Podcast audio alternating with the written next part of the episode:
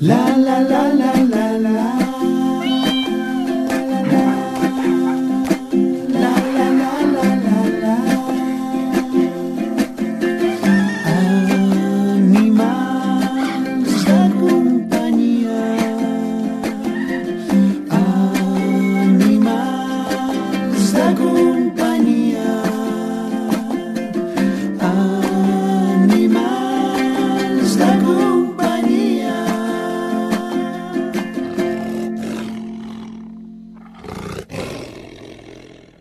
Sabies que els gats i gossos de les persones sense llar estan tan sants com els de la resta de responsables? Una investigació revela que seria un error considerar que els animals de les persones sense llar o amb habitatges vulnerables tenen una salut dolenta. Tot el contrari, estan igual de sants o fins i tot tenen més bona salut. És el que ha corroborat un equip de veterinaris després d'examinar més d'un miler de gats i gossos. Van veure que el seu aspecte era similar als altres animals atesos a les clíniques veterinàries. La condició corporal era bona en general, l'extrema primers, en canvi, era molt poc freqüent i només el 39% dels gossos tenien sobrepès. Una dada que contrasta amb la prevalença d'obesitat en la majoria d'estudis sobre gossos com animals de companyia que arriba al 60%. Amb aquesta notícia indispensable pels qui teniu animals, comencem el podcast d'avui on ens preguntem sobre l'agressivitat i els crits dels lloros. RAC més 1 i Gosby us ofereixen Animals de companyia amb Bàrbara Julve, un podcast per una relació saludable amb els vostres animals. Hi ha lloros que no paren de cridar i fins i tot són agressius. Per què? Què els passa? I sobretot, com podem solucionar-ho? Viure amb ells pot ser realment difícil. En parlem amb Alejandra Arroyo, veterinària especialista en etologia i fundadora del Centre Veterinària Joel de Barcelona. Ella ens ajudarà a aclarir aquests temes i ens donarà pautes per millorar la convivència amb el nostre company animal. Alejandra, benvinguda al podcast. Hola, muchísimas gracias. Espero poder aclararles todas las dudas. Sí, Alejandra, tu ets una gran coneixedora de, de lloros, em veus eh, tot sovint a la teva consulta. Uh, a grosso modo, com són els lloros? Quines característiques tenen? Perquè de sociables en són un bon tros i d'intel·ligents també. Así es, son aves maravillosas que nos han cautivado desde hace cientos de años. O sea, la convivencia con el ser humano se remonta a muchos siglos atrás.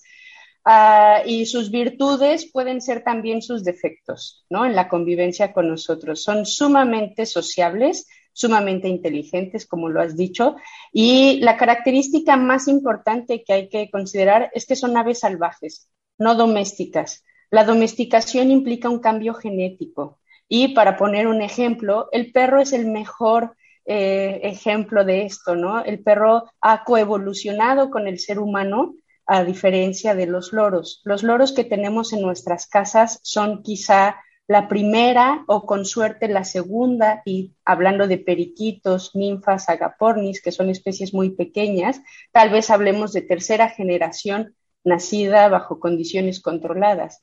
Pero la verdad es que si lo comparamos con los perros que llevan 37 mil años con nosotros, pues eh, podemos entender por qué la dinámica de la convivencia no es tan simple con, con, con ellos, ¿no? Y otro, otro punto importante es que son aves y nosotros somos mamíferos. Y entonces esta diferencia pues nos hace más difícil entendernos, ¿no? Sus, sus procesos mentales son distintos a los nuestros. I més és difícil entendre's eh, si un lloro crida, no? O és agressiu constantment. Eh, com mostra l'agressivitat el lloro? Bueno, eh, es importante porque parece que son pequeñitos y que pueden ser inofensivos, pero pueden ejercer mucha presión por el pico y hacernos eh, bastante daño, ¿no? Sobre todo los más grandes, que son guacamayos, pueden hacer mucho daño.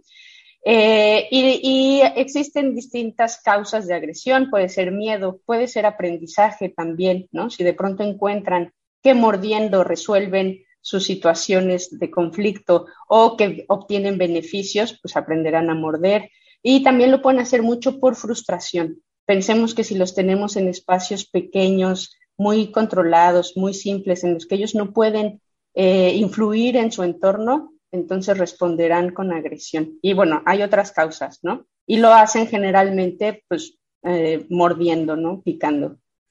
Pot ser que abans, prèviament, doncs, facin com una graduació de senyals com avisos, senyals que siguin més suaus i mica en mica els vagin intensificant, o no, doncs poden sorprendre i de cop, eh, doncs vinga, ja ens facin un, no sé com es diu, però un picotasso. Sí, sí, exacto. Exactamente. Todos los animales tienen señales más sutiles en las que te van avisando, ¿no? Cuidado porque no estoy de buenas o cuidado porque esto no me gusta o no quiero. Y es bien importante que cuando convivamos con un animal, sin importar su especie, conozcamos su lenguaje corporal y seamos bien respetuosos de sus preferencias y de cuando dicen no. Entonces, algunas de las señales que hacen los loros es erizar las plumas de la espalda, pueden incluso agachar un poquito las alas, pueden abrir el pico, ¿no? Metiendo la lengua y entonces son señales de hay que quitar el dedo. Si un, un loro te abre el pico y tiene la lengua para adentro, quita el dedo. Treu el teu perquè mm, perilla. Uh, és útil l'ordre quiet, no facis, o com podem evitar aquest tipus de- Sí, d'agressions? Quieto es eh, un comando que les podemos enseñar que es sumamente útil, ¿no? Porque a diferencia del no, o sea, el quieto significa deja de hacer lo que estás haciendo, pero cuando lo cuando atiendas a este comando, entonces recibirás una recompensa. A diferencia del no, que quiere decir deja de estar haciendo lo que estás haciendo y ya está. Entonces, por supuesto, si nosotros enseñamos comandos simples a los, a los loros, eh, ellos pueden eh, elegir voluntariamente participar en las actividades que nosotros les pedimos porque saben que va a haber un beneficio, ¿no? Entonces, quieto es una orden restrictiva muy, muy útil. Pero antes de decirles no lo hagas, ¿no? ya sea por el no o por el quieto, hay que entender por qué lo hacen. Porque no podemos decirle no hagas esto, no hagas esto, tampoco hagas aquello, no vayas, no subas, no ta-", porque entonces pues, mm, necesitamos un peluche, ¿no? En, en lugar de un loro. Hay que entender cuáles son sus motivaciones y garantizar que sus necesidades estén satisfactoriamente cubiertas. I un responsable pot entendre directament què és el que li està passant. A vegades potser la seva actitud és una mica indesxifrable, no? Què li passa? Si és exactament frustració, si és por... Um, com, com ho podem esbrinar, tot això? O si no, què fem? Recorrem a algun etòleg, a veterinari? Què hem de fer? Sí, este- esta es una buena pregunta porque sin duda podemos aprender a identificar estas señales. Hace falta ser muy observadores y tener la sensibilidad de entender que un animal, en este caso un loro, es un ser que tiene pues también ciertas e- emociones y, y tiene que poder gestionarlo, ¿no? Entonces, entender que no está para complacernos y que no puede hacer lo que nosotros queramos cuando nosotros queramos y de la forma que la queramos, ¿no? Entonces, este es el primer paso. Después, pues claro, la experiencia ayuda mucho, ¿no? Cuando has visto muchas veces a estos animales hacer estos gestos, pues puedes rápidamente identificarlo, ¿no? Eh, y la otra que yo creo es que si nosotros hacemos una reflexión profunda, podemos realmente saber qué es lo que le está pasando a nuestros animales. Tener un ave salvaje en una jaula pequeña con muy poca estimulación es imposible que viva bien. Es imposible. ¿Se puede tener un loro en nuestras casas que viva bien? Sí, pero hay que hacer mucho más de lo que convencionalmente estamos acostumbrados o entendemos que necesitan. Y entonces, cuando nosotros tenemos dudas de por qué lo hacen o si está funcionando bien, lo más recomendable es acudir a un veterinario, veterinaria etóloga. Tiene que ser etóloga porque los veterinarios tenemos disciplinas distintas, especialidades distintas y los compañeros clínicos no están especializados en atender estas condiciones. En el principi de l'entrevista, Alejandra, apuntàvem també una altra problemàtica, sí. que és que el lloro cridi molt clar. En aquest cas, què podem fer, no? Tapar-li la boca eh, és impossible. Sí, este es uno de los problemas más habituales y más graves a los que nos enfrentamos porque vivimos en comunidad y entonces tal vez a ti no te incomode tanto o consideras que porque es tu loro tienes que resistirlo, pero tus vecinos no piensan igual y, realmente se genera un problema de convivencia porque los decibeles que pueden alcanzar son altísimos. Eh, y hay historias tremendas de vecinos que se desquician e incluso disparan a los loros desde eh, ventanas de otro edificio, ¿no? Entonces, es un tema que se tiene que atender y lo primero es identificar si se trata de una vocalización normal, natural o se trata de una vocalización que ya está ocasionando problemas y que no atiende al patrón normal de conducta, ¿no? Entonces, cuando un loro vocaliza, lo hace con mucha fuerza quizá, pero tiene un contexto coherente y lo hace en un momento concreto. Un loro que está gritando insistentemente en volúmenes altísimos, es, esto ya es un problema que en realidad se llaman conductas eh, no deseadas, ¿no?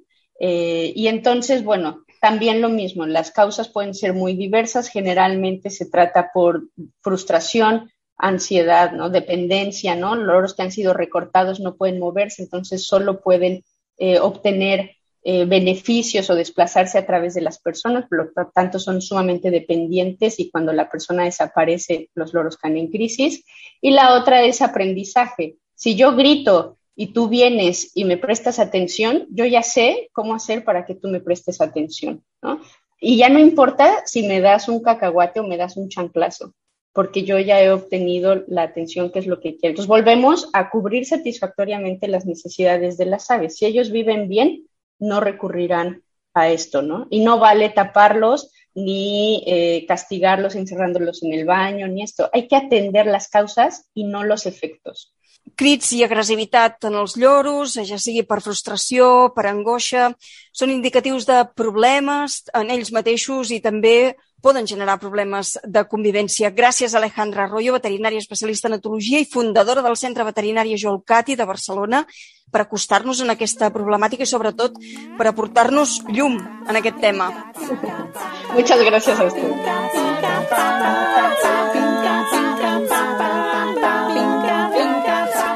El nostre convidat d'avui ha viscut durant més de 10 anys amb la Manolita, la seva gosseta. En tota la seva vida, de fet, n'ha tingut tres de gossos. Segons explica, tots diferents, tots adorables. Segur que en tindrà un altre, però quan sigui el moment. De moment, acull a casa seva gosses com la Nara o la Lia, de gent amiga. Qui hi ha darrere d'aquest gran cor és Sergi Mas. Sergi, què tal? Benvingut en aquest podcast. Gràcies, Bàrbara, per convidar-me a un podcast i, a més a més, un podcast que tracta de gossos. Eh, T'estic molt agraït perquè els gossos, per la gent que no té gossos, són un regal. De fet, és un autoregal que hauríem de tenir una bona part dels humans, perquè, sens dubte, ens superen en moltes coses. Sens dubte, sens dubte. En apreci, en amor, eh, en fidelitat, en companyia, en, en, en actitud, L'honor no existeix. L'honor és una cosa que ens hem inventat els humans. Ells no tenen honor, no tenen. Eh, són adorables. Ara estaria aquí fent un monòleg i entenc que m'agradaria que el diàleg fos més, més, eh, més fluid perquè no vull fotre una castanya parlant dels gossos. Però sí, són adorables i faig adopcions a amics. Jo hi afegiria que pots confiar-hi, abraçar-los omple Home. moltíssim. És que... El, el, el contacte, el contacte amb un pelut, el contacte amb un pelut, eh, clar, ara perquè, bueno, estem parlant de, de dies de que fa fred, és Nadal, i sí que és veritat que la seva pell, doncs, eh, certament abriga, però el contacte amb un pelut és extraordinari. La quantitat d'energia que desprenen i desprenem, i desprenem els humanoides, que passa que no ens n'adonem, però la quantitat d'energia que transmetem habitualment no la calculem fins que no tenim un gos perquè ells, elles, es col·loquen a un lloc estratègic de la casa. Un lloc que acostuma a ser al final d'un menjador on tenen una, una webcam particular que veuen tot el pis, tota la casa, i estan pendents de sorolls, olors, eh, molts aspectes de la vida que nosaltres no ens donem compte i que ells estan molt pendents de el soroll de quan puges una cremallera, l'olor de la colònia, eh, que et poses perquè significa que tu te'n vas, eh, el soroll de quan lliga les escombraries i aleshores tu veus una cua que comença a fer soroll pam, pam, amb el, el, el terra que diu, escolta'm, sé que te'n vas i potser m'acompanyes o potser t'acompanyo a baixar la brossa. Són extraordinaris, són extraordinaris. Tu a la xarxa, a les xarxes parles de manera molt clara de la, de la sensació del que t'aporten, dius directament amor, i sobretot després d'haver viscut no, aquesta relació tan intensa amb la Manolita. Sí, sí, vaig tenir 14 anys a Manolita, vaig tenir 4 anys a Nusky, un husky siberià fabulós, eh, i després una mica menys de 8-9 anys a eh, Rita, que va venir amb la Manolita perquè, bueno, Rita estava directament maltractada al carrer i un dia els Mossos d'Esquadra la van capturar, se la va deixar a la presentadora d'un programa de televisió de Catalunya, Elena García Melero, i Elena García Melero, que eh, era i és molt amiga de la meva exdona, li va posar sobre la taula. Mira que hem portat els Mossos avui al programa. I això no es fa. Immediatament la meva exdona, la Patricia, va dir Sergi, mira què tinc. La meva resposta, al veure la fotografia, dic, què és això?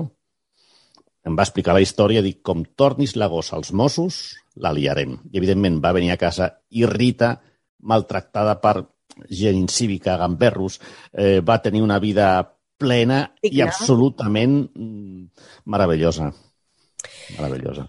Mm, De qui te'n recordes més? Eh, De la Manolita, de la Rita? Bueno, sí, sí, jo, jo, clar, jo crec que Manolita va ser, no sé si pel nom, jo li volia dir matemàtiques, Nom, eh? li volia dir eh, telenotícies, però al final va triomfar Manolita perquè a mi m'agrada que els gossos tinguin nom de persones, perquè són millor que les persones. Me'n recordo molt perquè va, és la que he tingut durant més temps i amb la que va tenir un final que en, en dos dies se'ns va marxar, se'n va marxar. Eh, afortunadament no va patir, o com a mínim no va patir gaire, d'unes coses que els gossos van tenint i que tu no te n'adones, i si te n'adones ho saps, però no penses que el final ha de ser tan tràgic i si especialment tan ràpid. Eh, la gossa que acompanyava Manolita, la Rita, aquesta que estava tirada pel carrer, doncs també va tenir un final sobtat i en 12 hores eh, se'n va anar. Eh, es posava tan contenta quan venia les meves filles a casa, però tan contenta que saltava del sofà, d'un sofà a l'altre del menjador, d'un sofà a l'altre, d'un sofà a l'altre. I d'aquests saltironets que feia, doncs es va trencar la mèdula. De tan contenta que es posava. Eh, clar, al moment em diu la meva filla gran, papa, la Rita camina malament. I és veritat que arrossegava les cames. La porto directament al veterinari i em va dir, ui, això té mala pinta. I tot i que li vam donar una medicació, no va aguantar ni 12 hores. I així, es va morir feliç, no va patir, i de forma sobtada, perquè era un regal, dormien amb ella, feien deures amb ella, era petita, se la posaven a les cames, tenia un ull d'un altre color, la Rita era meravellosa i tenia molta por a qualsevol persona que entrés a casa o que passegés amb nosaltres al carrer. La veia com un enemic, víctima del seu passat, no? Però va estar tan feliç el que va durar eh, i nosaltres amb ella, clar, nosaltres amb ella. Va ser especial, com també especial la Manolita, que precisament, Sergi, va, va marxar físicament un 17 del 7 del 2017. Quina Sí, casualitat. sí, sí. Sí, sí, sí. Eh, tu quan... Aviam, aquí la gent que té gossos ens entendrà, Bàrbara. Sí. Eh, és, és, eh, jo bueno, ho vaig passar malament, evidentment, evidentment.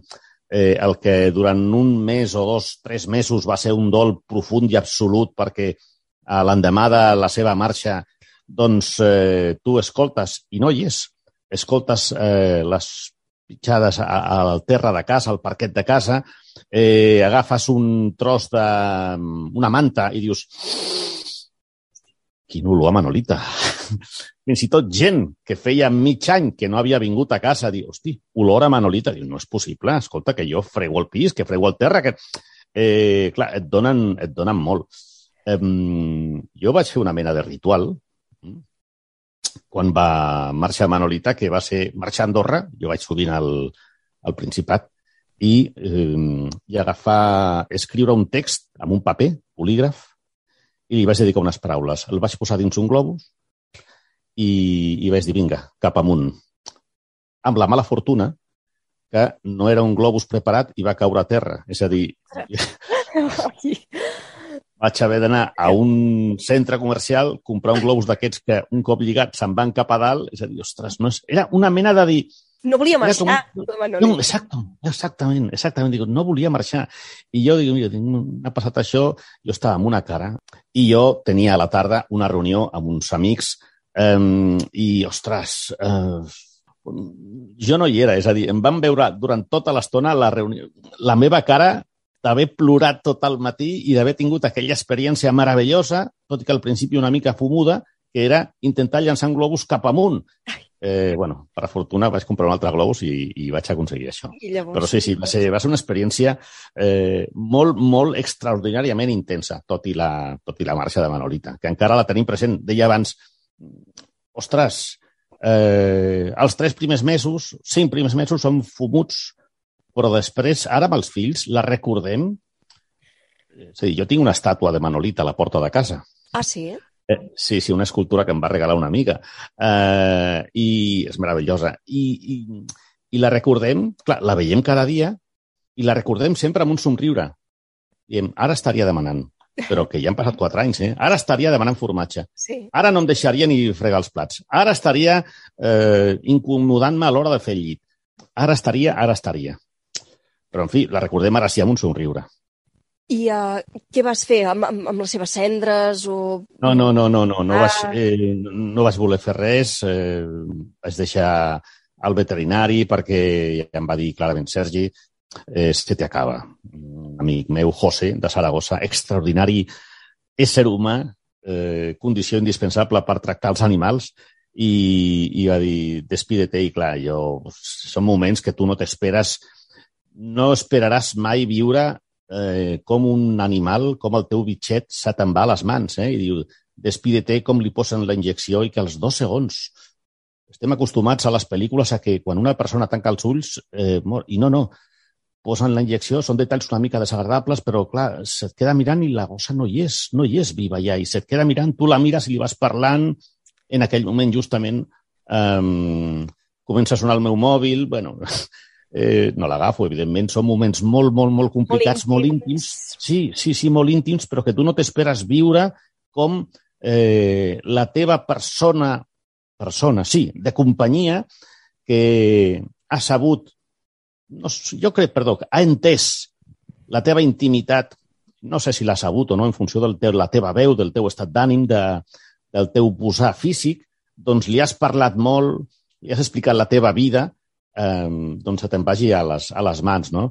No, no vaig voler fer res. Després potser em vaig empanar dir, mira, sí, potser podia haver tingut les cendres, però, bueno, eh, ja tenim l'escultura que, que, que està força bé. I tant, el, el temps, eh, sens dubte, és un bon eh, pegamento, tu ho, Sí, ho deies, juga a favor, eh? el temps juga a favor sempre. El dol, eh, aquest dolor per, per un amor, no? I Sí, t'acabes sí, un amor, i, insisteixo, eh, Bàrbara, un somriure absolut, Sí. eh, un somriure, eh? Mm, ara, està, ara mm, entraríem ja en la dutxa i li diríem, surt, collons, Manolita, surt. Collons. T'hi agradava Eh, l'aigua, no? Sí, bo, i tant, i tant, i tant, i tant. De tota manera, a casa teva eh, han entrat uns quants gossos més, eh? La Nara, la Lia... Escolta, Sí, això sí, de, sí. de collir gossos a casa, com tu fas per fer-los sentir Ja. com a casa? Els Suposo que no és fàcil, els eh? Mira, jo, jo, jo els tinc moltíssima estima. Eh, ahir, justament ahir, eh, anava al metro i vaig veure un, un, un golden, que és una raça especial, Sí. especialment adorable, i, bueno, segurament els humans transmetem, com et deia abans, una energia que no ens adonem i el gos se'm queda mirant i de seguida la cua i comença a anar a 200 possiblement transmetem i això és natural, això no és una cosa que el puguis eh, actuar, és natural, transmetem una manera de fer, no sé si per la gestualitat, eh, i clar, amb aquest gos que anava al metro, en dos minuts semblava que era meu, Sí. perquè la propietària em deia, però bueno, eh, jamás vi este perro hacer lo que está haciendo, se, se em tirava a sobre i m'acabava de conèixer, ens acabàvem de conèixer. Estàvem un seient davant de l'altre. Eh, doncs, clar, tenim una energia que a mi, bueno, jo la tinc, els gossos la tenen, hi ha moltes vegades que pel que veig flueix, i, i clar, jo veig un gos pel carrer i sempre demano permís perquè igual no es poden tocar, eh, i és que me'l portaria. I amb els gossos dels amics, no tots, però alguns, eh, clar, és que tu ja veus la comunió immediata que hi ha entre un gos i servidor i que em diu un amic, una amiga, escolta, vindrà amb el gos. Fantàstic, fantàstic. I ja de seguida és que de seguida, Bàrbara, és que no sé, no, no sé què és. I dir, escolta, quan hagis de sortir, aquí es queda la, la Nara, la Lia, és a dir, es queden tots, sí, sí. I, I escolta'm, i aquesta foto d'aquest cadell de pastor de Berna que, que ha aparegut en el teu perfil d'Instagram, què, t'animes a... Ai, ai, ai, ai, ai, ai, ai, ai, estàs tocant, no un tema, no, el tema, el tema.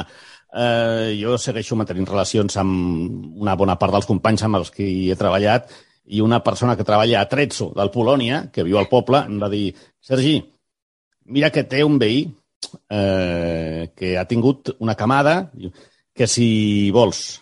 Diu, perdona, i m'envia la foto. I és com aquest. Diu, ostres, però això no es fa. Aquests, aquests de Berna que tenen com una mena de mitjons blancs eh, a les potetes són com els Golden, igualment adorables. bueno, de fet, tots són adorables. Sí. I li vaig contestar, escolta'm, jo per tenir un gos, per tenir un gos, eh, vull estar per ell. Ara, que tot i que teletreballo, tinc sortides puntuals, no m'agradaria tenir un gos i no estar per ell. És a dir, vull estar amb ell la quantitat d'hores, la màxima quantitat d'hores possibles perquè, perquè em dona molta alegria. Encara que l'alegria sigui traduïda perquè estigui a sota meu quan faig, estic davant de l'ordinador. M'és igual. Eh, el fet que jo li pugui tocar els peus, per mi això ja és alegria. Clar per tant, ara, justament, justament ara, no és el moment, però jo crec que et diria, Bàrbara, que abans del mes de juny-juliol em canviarà una mica la vida i tindré un, un gos com aquest. Doncs ens ho fa saber i si l'agafes sí. estic convençuda, estic segura que aquesta gosseta, aquest gosset serà molt, molt feliç amb tu. Per què? Doncs perquè queda clar que tu estimes els animals, però és que els animals, per aquesta conversa que hem tingut, també t'estimen a tu. Bueno, i, i és que... És així. És que eh, és un podcast i no tinc paraules. Ja sé que això és... Sembla una mica estrany, però són adorables, són adorables. Moltíssimes gràcies, Sergi, per estar avui aquesta estona amb nosaltres. Una abraçada ben forta i, sobretot, si agafes un, un nou cadallet, fes-nos-ho saber. No dubtis que ho faré, no dubtis. Adeu, gràcies. Doncs a recta final i som-hi, és hora del concurs eh, i com sempre tenim amb nosaltres a Jordi Gamell, expert en fotografies i xarxes socials. Jordi, què tal com han anat les festes? Hola a tots, les festes, com sempre, masses festes, eh? Masses festes. Sí, amb els nostres animals de companyia també a vegades ja en tenen prou, eh, de, de festes. Sí, estan una mica desubicats en tanta festa, diria jo. Tant de festa, tant de menjar, tant d'enrenou per casa. A veure, anem a mirar les imatges que ens han arribat en aquests 15 dies. Jordi, quina d'aquestes és la que s'endú el premi? Anem per feina. Bé, anem per feina i, com sempre, en el concurs aquest sempre em costa de decidir perquè ens envia unes fotos molt genials, però en aquesta vegada m'he centrat en, en dues fotos. Una, una feta en blanc i negre, precisament, és un blanc i negre que a mi m'agrada molt, a la qual surt un gos que, curiosament, té una orella aixecada i l'altra i l'altra baixada. M'ha agradat molt. Però la que més, més, més m'ha agradat eh, és la d'un gosset, eh, una gosseta, no ho sé, un beagle, que està dormint plàcidament i s'ha sabut captar molt i molt bé i està dormint en un si ho hem de dir, el que deia jo abans, ja n'hi ha prou de festes, me'n vaig a descansar té una composició de colors, no, Jordi, a, a, entorn a això, els marrons, els grisos, amb un fons difuminat, aconsegueix treure no, aquesta, aquest descans, no, reflectir d'una manera plàcida, com, com aquest gos potser sí, n'està bé tip de festes i diu desconnecto i me'n vaig a fer un son. Desconnecta, vaig a fer un son i s'ha sabut captar amb el punt d'enfoc precís a la cara d'ell i, evidentment, el, amb els colors de, del gos i, i de l'entorn, que era genial, totalment genial. Doncs cap a Arenys damunt, cap a aquest Beagle, se'n va aquest fantàstic lot de productes gentilesa de Gosby. I Jordi, eh, per acabar el podcast d'avui, dona'ns tres consells per fer millors fotografies encara en els nostres animals de companyia. Vinga, us donaré tres consells, tot i que se'n podrien donar molts i molts però un no molt bàsic, que és eh, abans de fer la foto del nostre animal de companyia, hem de tenir clar quin entorn farem servir per fer aquesta foto, o quan anem a passejar, o en aquest cas del Beagle aquí quan està dormint, i aprofitant el, el Beagle, eh, que està molt ben enfocat, hi ha molta gent que encara no sap que el seu telèfon mòbil, com eh, vol fer una foto, pot triar el, el punt d'enfoc. És tan senzill com apretar el dit en el punt d'enfoc en el qual volem nosaltres, perquè a vegades com que és automàtic ens enfoca en un lloc, però no, el volem enfocar en un altre. Curiosament, molta gent encara no ho sap, això. I també un altre consell, i curiosament amb els nostres telèfons mòbils, la gran majoria ara ja podem, podem fer el mòdul retrat. El mòdul retrat és el que s'ha fet aquest Beagle, en el qual, eh, evidentment, el subjecte ens queda totalment enfocat i es enfoca tot, tot, a, tot, el, tot el fons i queden unes fotos genials i, i bé, ara que ja sabeu un parell de coses més, doncs vinga, fotos més xules. Doncs classe magistral de Jordi Gamell, expert en fotografies i xarxes socials, resumida en un minut. Moltíssimes gràcies i acomiadem el podcast fins d'aquí 15 dies. Fins aquí el podcast i tingueu en compte els meus consells. La la la la la. RAC més i Gosby us han ofert Animals de companyia amb Bàrbara Julve, un podcast per una relació saludable amb els vostres animals. Sabies que Gosby és la marca catalana per excel·lència en la preparació d'aliments d'alta qualitat per als nostres gats i gossos? Perquè alimentar és una forma d'estimar, Gosby, l'alimentació conscient per als teus gats i gossos. Ens trobaràs en clíniques veterinàries i comerços especialitzats de proximitat. Consulta'ls a gosby.com.